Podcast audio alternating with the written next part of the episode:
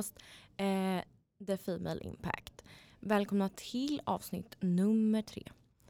Jag skulle först vilja säga tack till er som har lyssnat på de andra avsnitten och kommit med feedback. Alltså, jag är så glad och tacksam för allt ni har sagt och ni är så gulliga.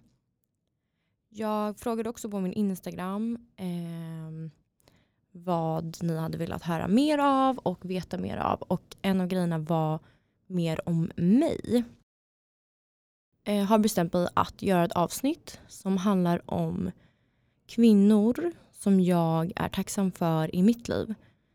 För att jag, hela podden handlar ju om att men, inspirera kvinnor och vara men, en förebild. Eh, så att jag har, jag har haft kvinnor i mitt liv som har påverkat mig väldigt mycket. Eh, så jag tänker att jag bara gör, istället för att bara berätta min historia om allting, så gör jag ett avsnitt nu som är ett tack till alla som har faktiskt varit en stor del i mitt liv. Jag vill bara varna lite för triggervarning i det här avsnittet. Ehm, så känner du dig vet inte, triggad av ätstörning och psykisk ohälsa så skippa det här avsnittet. Eh, eller lyssna på det och försök att ta in det på ett positivt sätt för att jag vill inte trigga någon i det här. Så förutom mina vänner eh, och min familj som jag är tacksam för eh, så har jag eh, några kvinnor i mitt liksom min uppväxt som har påverkat mig väldigt mycket. När jag var liten så var jag en väldigt glad och sprudlande tjej. Jag liksom studsade fram i korridoren och min, några lärare kallade mig till och med för Bumbi. Ehm, för att jag alltid var så glad och hoppade runt. Sen när jag kom i tonåren så gick det ut kan man säga. Eller alltså, ehm, jag, jag tror att jag var 13 första gången jag ehm, fick min ätstörning. Vilket är jättelitet. Man är superliten när man är 13 tycker jag. Eh, jättesjukt. Så jag började verkligen må dåligt där i tonåren det var väl mest på högstadiet som det började som mest. Eh, jag gick på högstadiet och missade viktiga prov. Jag hade liksom jättemånga uppgifter som inte var inlämnade. Jag hade nog IG-varning i typ alla ämnen. Jag gick i nian här tror jag. Och det var ju väldigt viktigt på att man skulle komma in på gymnasiet, man skulle ha rätt poäng och allting. Men eh, jag, som det såg ut som just då, så skulle jag inte komma in på ett enda gymnasium.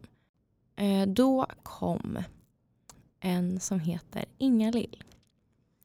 Eh, hon, var eller hon var inte ens min lärare i skolan. Jag kommer inte ens ihåg vad hon var lärare i. Men jag hade ändå känt henne i flera år för att hon var även min, jag tror att hon var min lärare på lågstadiet och sen gick hon också upp till det högstadiet jag började på som en annan lärare men inte som min lärare.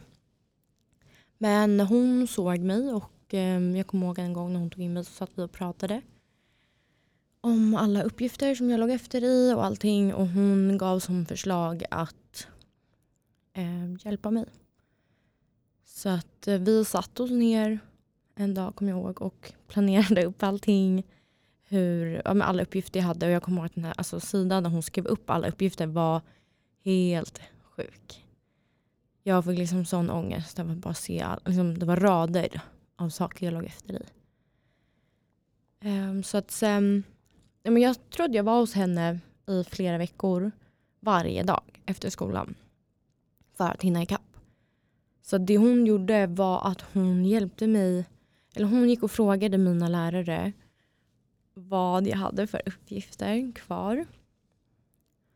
Sen så satt vi oss tillsammans efter skolan, så jag liksom var i skolan hela dagen och sen så kanske runt, ja men när man slutade vid fyra kanske, satt jag mig hos henne och så hade hon kollat med mina lärare vad jag hade för uppgifter som behövde göras klart. Sen sa hon bara till mig, alltså det här är så sjukt egentligen, att det krävs så lite men det krävs ju rätt person. Det är ju det som är grejen. Eh, så att jag, det hon gjorde var ju att hon gav, jag fick min data och sen så sa hon så här, okej okay, nu ska du göra den här uppgiften. Du får inte gå hem innan. Så att vi satt i samma rum på hennes liksom, typ kontor eller vad man kan säga. Där hon satt med sina grejer och jobbade med sina saker och jag gjorde typ min engelska läxa i kanske två timmar. Och sen så fick jag gå hem om jag var klar. Eh, och så här höll vi på typ, varje dag. Så att eh, för mig gjorde det här så sjukt mycket. För det gjorde att jag klarade högstadiet. Eh, det gjorde att jag kom in på gymnasiet som jag ville. Så att utan Inga-Lill hade jag inte alls klarat högstadiet. Um, så att jag vill verkligen, verkligen säga tack till Inga-Lill. Du kanske inte vet hur, eller att du ens betyder så här mycket och har hjälpt mig så här mycket. Men tack att du såg mig. Uh, ungefär i den här perioden så, eftersom att jag mådde så himla dåligt uh, och min ätstörning började bli mer och mer så skrev mamma in mig på Prima som är um, typ barnpsykiatri. Um, ehm, jag hetsåt, kräktes. Um, ja, jag hade bulimi helt enkelt. Så att jag började gå hos Prima där jag träffade världens bästa Liselott. Um, hon, ja, men jag gick hos henne och pratade om maten från början. Um, här kanske jag var, oj jag kanske var typ 15 tror jag. Eller yngre, 15-16 där någonstans. Sen så gick jag hos henne någon månad och sen så var det dags för sommaruppehåll. Så att jag, um, men vi var lediga ett tag på sommaren så jag träffade inte henne på typ två månader tror jag. Den sommaren så var jag ute med båten med min tjejkompis och hennes familj. Varav hennes syster har ADHD. Uh, eh, och hennes pappa sa till mig, gud du är så lik alltså, systern. Du, har du kollat om de har någon diagnos? Alltså för mig så var, alltså ADHD för mig var ju de här galna killarna i skolan som kastade stolar och skrek. Typ. Um, och jag har alltid haft så här duktig flicka-syndrom så att jag har väl alltid gjort mina grejer jag behöver göra. I guess. Men haft väldigt svårt med att liksom strugglat. Eh, nej men så jag kommer ihåg efter den här sommaren så var det så här, oh, konstigt. Typ. Sen kom jag tillbaka efter sommarlovet och träffade Liselott igen på Prima. Och det första hon säger på vårt första möte efter sommaren är att hon skulle vilja göra en utredning på mig. Varav jag säger till henne, okej okay, är det en ADHD-utredning eller? Eh, lite på skämt. Eh, och hon säger att eh, japp, det är det. Eh, så då drog vi igång en ADHD-utredning. Allt vad det innebär. Så att vi, ja, man gör ju massa olika tester och allting. Och jag kommer ihåg några av testerna som jag gjorde och så kollade jag på henne och sa jag så här, ska, van, ska man kunna såna här saker? Um, för att jag har ju liksom inte sett mig på det alltså, Nu är jag super, super, super glad att jag ens har fått den här diagnosen och är där jag är och har lärt mig allt jag har lärt mig. Men i den sekunden så var jag typ lite i chock. För att som jag sa så trodde jag, eller jag tänkte att ADHD var de här galna killarna. Nej men sen så gjorde vi utredningen och det visade sig att det var det jag hade. Så då började jag ju eh, kolla på liksom vad som, hur jag skulle hjälpa mig i skolan och allting. Eh, men mitt i det här så fyllde jag 18. Så att eh, när man fyller 18 så får man inte gå kvar på Prima som är liksom ungdomspsyk. Ehm, så att jag, fick, jag fick sluta på Prima och då gå över till så här, vuxenvård. Eh, men vårt sista möte som jag, eller min sista möte som jag hade med Liselott så sa hon till mig, för vi hade ju också pratat väldigt mycket om liksom, drömmar och mål och vad jag ville i livet och sådär. Så det sista hon sa till mig var eh, glöm inte att hälsa till mig när du är känd eh, och är där du vill vara i livet. Så jag har liksom haft henne i bakhuvudet lite då och då. Eh, när jag har gjort saker. Haft så här, jag, måste, jag måste kunna göra det här. Eller, så att jag någon dag kan ha något, någon plattform eller någonstans att så här, hej Liselott. Eh, så att Liselott, om du någon gång kanske lyssnar på det här så är det här till dig. Eh, tack för att du såg mig och att du lyssnade utan att döma. Och att du fick mig att se på livet annorlunda. Här i livet så började faktiskt en riktig nedåt spiral. Jag eh, hade fått min diagnos med ADHD så jag blev inskriven på vuxenpsyk. Träffade en läkare som skrev ut eh, ADHD-medicin till mig. Jag började samtidigt på ett ställe som heter SCE som är Stockholms center för ätstörningar. Och det är det hemskaste stället jag någonsin har varit på. Det började med möten och jag fick träffa läkare och psykologer. Det skulle liksom vägas, mätas, svaras på frågor och göra massa tester. Vilket var ett helvete för någon med ätstörning. För det är det enda man har i huvudet och att då göra någonting som triggar allt det här ännu mer är, alltså, nej det går inte ens att beskriva. Jag minns inte hur ofta jag var där men någon dag i veckan tror jag. Ehm, men en sak minns jag, det var när min läkare på SCA pratade med mig. Hon pratade med mig om mina vanor och beteenden och allting och sen så sa hon bara om du fortsätter så här så kommer du att bli tjock. Jag vet inte varför hon sa så här eller vad det var hon ville ha för reaktion. Men jag reagerade ju bara med att vara tyst. Men i mitt huvud så skrek jag. Alltså så här, jag ska visa dig att det kommer jag inte att bli. Så det gav ju typ motsatt effekt på mig. När man äter eh, ADHD-medicin så är det väldigt vanligt att man tappar aptiten. Ehm, verkligen perfekt kombo när man har ätstörning. Det, jag tycker att det är jättekonstigt att min alltså läkare på vuxenpsyk inte tänkte på det. Så att um, jag åt ingenting alls under den här tiden. Um, jag kanske åt typ, alltså vissa dagar drack jag en Cola light till lunch. Jag um, ja, ljög oftast vad jag hade ätit till mina föräldrar. Jag att jag hade ätit middag redan när jag kom hem. Och, ja. Men i alla fall, jag fick testa en ny medicin. Vilket, och den gjorde att jag fick svårare att sova. Jag, det kändes som att all energi som jag brukade ha under dagen hade bara samlats och sparats eh, till kvällen. Så att när medicinen släppte så var det som att jag hade hur mycket energi som helst och min kropp liksom bara ville springa. Jag träffade då min läkare igen och hon ville skriva ut sömnpiller till mig. Men mitt i allt det här kaoset eh, så träffade jag Jeanette. Världens, världens bästa Jeanette. Hon jobbade som arbetsterapeut för vuxenpsyk. Så jag fick liksom börja med en läkare först. Och sen så när man började liksom lära känna mig mer så fick jag träffa arbetsterapeut. Eh, Jeanette var alltså, min lilla ängel mitt bland alla vuxna som verkligen inte hörde eller lyssnade på mig. Hennes uppgift var egentligen att hjälpa mig att hitta vägar och hjälpmedel för att klara vardagen med ADHD. Jag var hos henne varje måndag och fredag i veckan. Eh, på måndagar så planerade vi upp veckan och på fredagar utvärderade vi hur det hade gått. Vi började liksom sakta men säkert prata om maten och min ätstörning. I början lyssnade hon typ bara om, alltså om jag ville prata om det eller så. Vi pratade också ganska mycket om sömnen.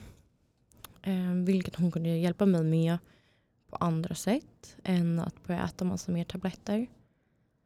Så en dag så minns jag så åkte vi och testade ut olika vikttecken. Som sen senare när jag fick det, jag hjälpte mig jättemycket med att sova. Jag eh, slutade också med ADHD-medicinen här någonstans. Och så fick jag ännu mer hjälpmedel från henne om hur jag skulle klara vardagen. Och, alltså klara vardagen låter som att jag verkligen inte klarade det. Men gav mig hjälpmedel att göra det mycket lättare. Då. Alltså hålla koll på tider och efter ett tag när vi hade fått in typ mer rutiner på ja, men våra dagar, alltså mina Jeanettes dagar, hur vi la upp dem och sådär. Så men gav det oss mer tid till annat. Alltså vi hade en timme alltid hos henne. Så en timme måndagar, en timme fredagar. Jag började också följa våra scheman. Eh, vilket gjorde att jag eh, eller att vi fick mycket mer tid. Så att vi när vi skulle till exempel utvärdera så sa jag bara att ah, jag är klar med det. Eller, det. Så att um, det som blev då att vi hade mer tid att prata för annat och då pratade vi ganska ofta om maten och om liksom min ätstörning och allt sånt. Men vissa dagar orkade jag inte ens prata om det så då sa jag bara jag orkar inte prata om det. Så då, ja men typ så, spela Wordview. Alltså, det gav mig jättemycket mer än, vet inte, det var bara som att vi hängde. Det var ganska skönt. Utan att hon dömde mig eller du vet vad sådär. Eh, just den här perioden så var det ju ingen annan vuxen som riktigt lyssnade på mig eller hörde mig eller såg mig. Jag eh, var bara inne i en jätte, jätte ond spiral där allt var skit. Eh, och ingen vuxen hade någonsin fått mig att liksom snappa ut från ätstörningen eller tänka bort från alla de här hemska tankarna eller vara liksom lilla Jennifer igen. Den här glada och härliga tjejen. Men eh, det fick Jeanette faktiskt. Så en dag minns jag att hon frågade mig om hur jag såg min framtid. Jag svarade att jag vill ha ett framgångsrikt företag, jag vill kunna resa vart jag vill, jag vill ha en fin man och kanske typ tre barn. Ehm, det hon sa då var, alltså, det fick mig att i några sekunder liksom se mitt liv från om ett annat, annat perspektiv än vad jag har gjort på flera, flera år. Det hon sa var bara, men om du fortsätter att göra så som du gör nu med att skada dig och din kropp, hur tror du då att du kommer orka driva ett företag eller resa eller framför allt så kommer din kropp inte orka att få barn. Det var helt sjukt. Jag kommer minns verkligen när hon sa det här och när jag åkte hem sen och var Alltså, ja, det var riktigt sjukt. Så att, tack Jeanette eh, för allt. Och jag vet hur mycket extra tid du la ner på mig än vad du egentligen behövde eller skulle. Och tack för att du alltid bokade in mig som din sista klient så att jag inte behövde stressa eller känna stress. Och att du oftast eh, körde hem mig så att vi kunde prata lite mer i bilen. Så tack Jeanette. När jag började i gymnasiet så träffade jag min lärare som hette Sara. Hon var eh, min lärare i hårstyling. Under den här perioden som ni kanske har fattat så mådde jag inte så bra. Eh, och det tog jag väldigt mycket ut på min familj. Speciellt på min pappa. Då han absolut inte förstod mig eller hade tålamodet för någonting. Vilket gjorde att jag inte ville vara hemma. Jag kom alltid tidigast till skolan och gick hem sist av alla. Allt för att inte vara hemma. Jag, liksom satt, jag vet inte ens vad jag gjorde. Jag liksom satt själv i en soffa och jag vet inte om jag kollade på film. Eller, alltså jag minns inte ens. Jag minns bara att jag satt vid min dator i soffan alltid efter skolan. Sen minns jag en dag när Sara kom till mig och satte sig med mig i soffan ja, vi bara pratade lite om, alltså hon frågade också så, varför är du kvar? Klockan är liksom så fem. Jag eh, ja, men berättade lite och sen så vet jag att vi pratade några eftermiddagar ändå efter skolan och så. Hon fick väl veta mer och mer. Sen en eftermiddag så kom hon och satte sig hos mig och Sara jobbade även som frisör på en salong efter skolan. Liksom, som jobbade både som lärare och som frisör. Eh, men en eftermiddag så kom hon och satte sig med mig och hängde med mig. Och då eh, frågade hon bara om jag ville följa med och hänga på hennes salong ett tag. Vilket jag ville. Så att det blev liksom våran grej kan man säga. Jag eh, åkte med henne efter skolan till salongen. Vi hann prata liksom själva i bilen. Sen hjälpte jag henne på salongen och bara, jag vet inte, att bara få känna mig typ lite behövd. Alltså även om hon inte behövde mig. Så alltså, hjälpte jag henne lite på salongen och fixa saker. Så att bara få känna sig behövd och sedd var väldigt viktigt för mig. Så tack till Sara för att du alltid såg mig, hade extra tålamod att lyssna och gjorde alltid det lilla extra som jag verkligen behövde just då.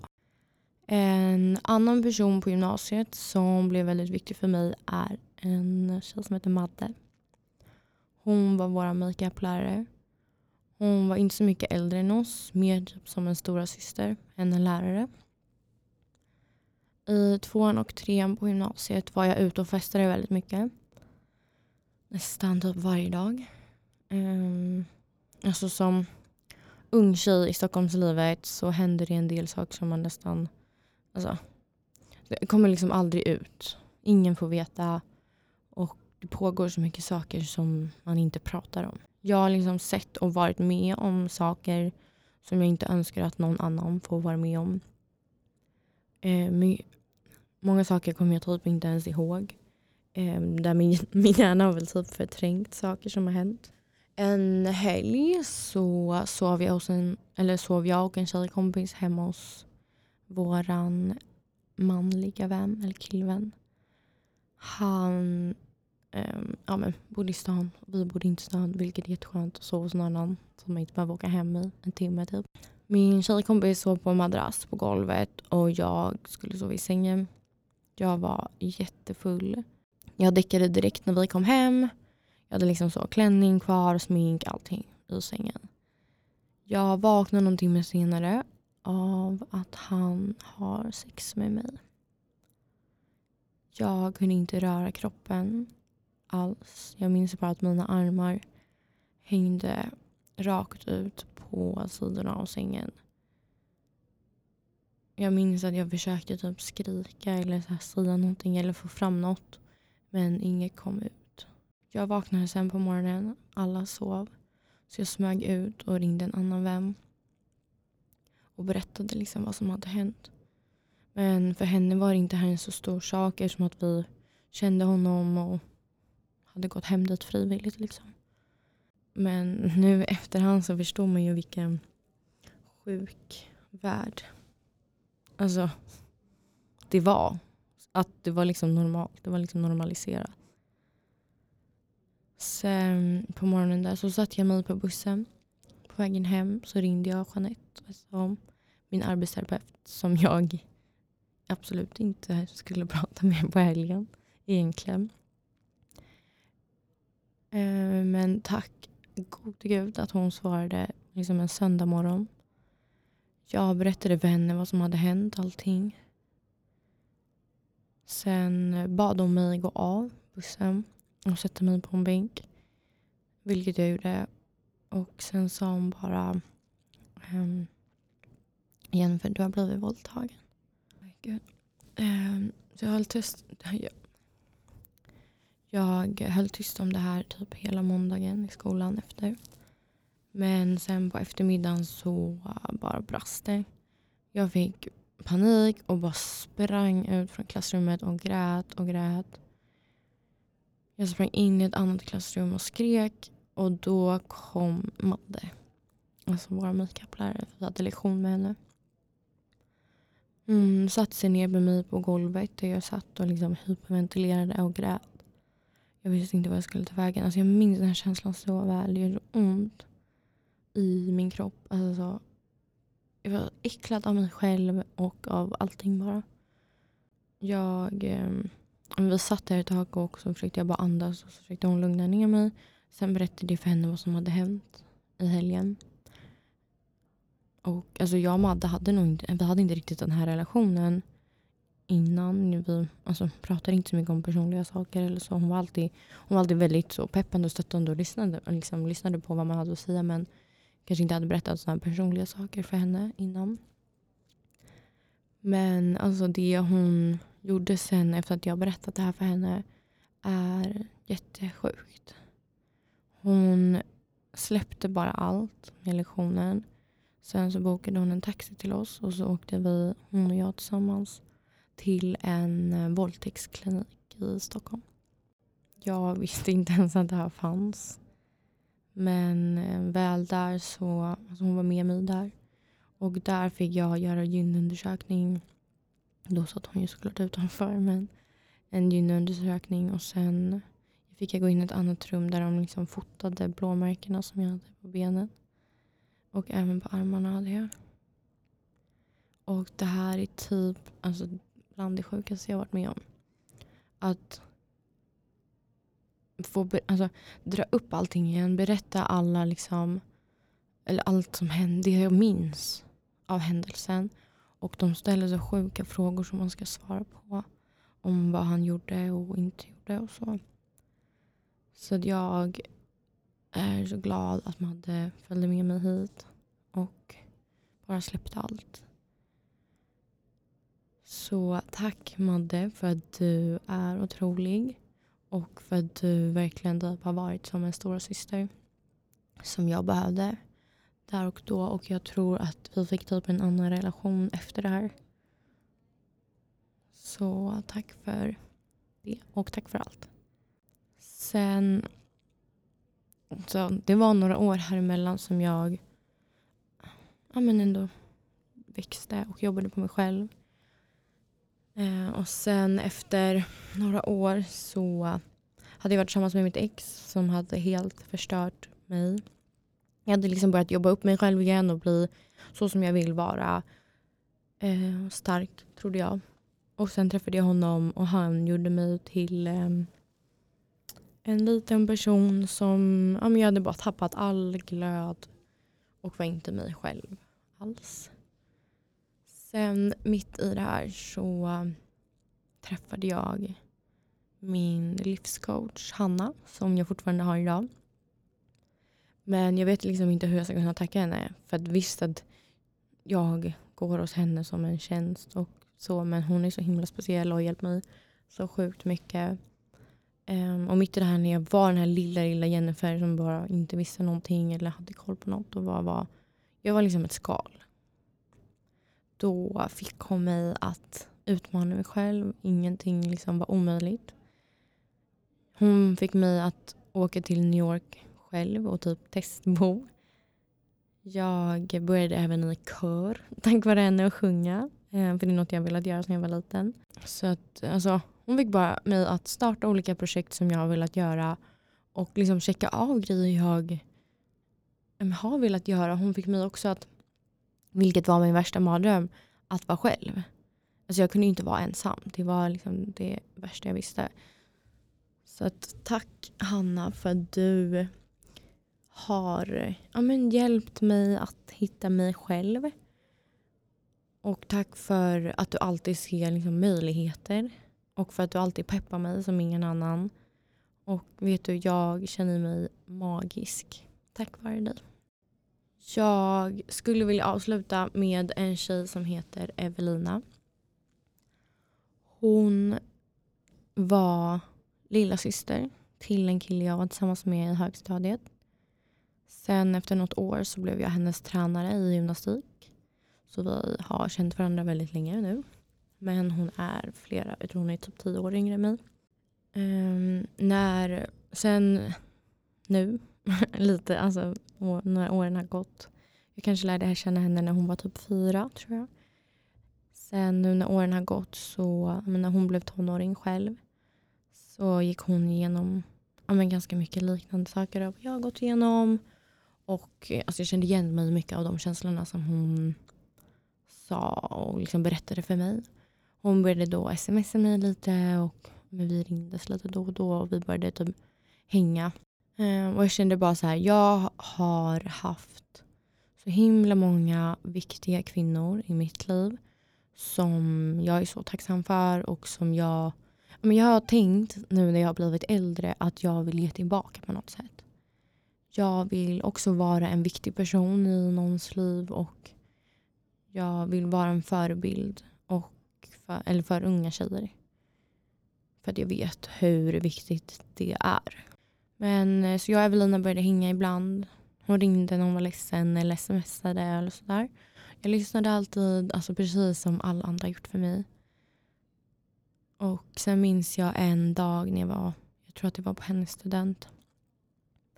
Så var jag hemma hos dem och jag har också liksom en relation med hennes mamma eftersom att jag varit tillsammans med hennes storebror och varit hemma hos dem mycket förut.